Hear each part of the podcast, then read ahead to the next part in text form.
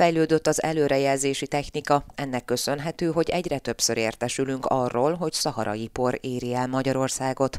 Tájékoztatta az Inforádiót Simon Gergő az Országos Meteorológiai Szolgálat meteorológusa. Régen nagyon hasonló szituációk kialakultak, csak nem voltak olyan műholdak, illetve a műholdakon olyan speciális érzékelők, amelyekkel ezeket a por részecskéket meg tudtuk figyelni, illetve a modellezés is fejlődött, tehát már vannak olyan időjárás előrejelző modellek, amikkel ezeket a poros szituációkat lehet szimulálni. Annak pedig, hogy az elmúlt időszakban többször is érkezett szaharai por hazánkba, az a magyarázata, hogy megélénkült a légkör, tette hozzá a meteorológus. Tehát egyre több olyan légköri front képződik, ott például Spanyolország térségében, aminek az áramlási rendszerébe ez a por gyakorlatilag belekerül, és itt ez a földközi tenger felett gyakorlatilag zavartalanul áramlik a kontinens belseje felé.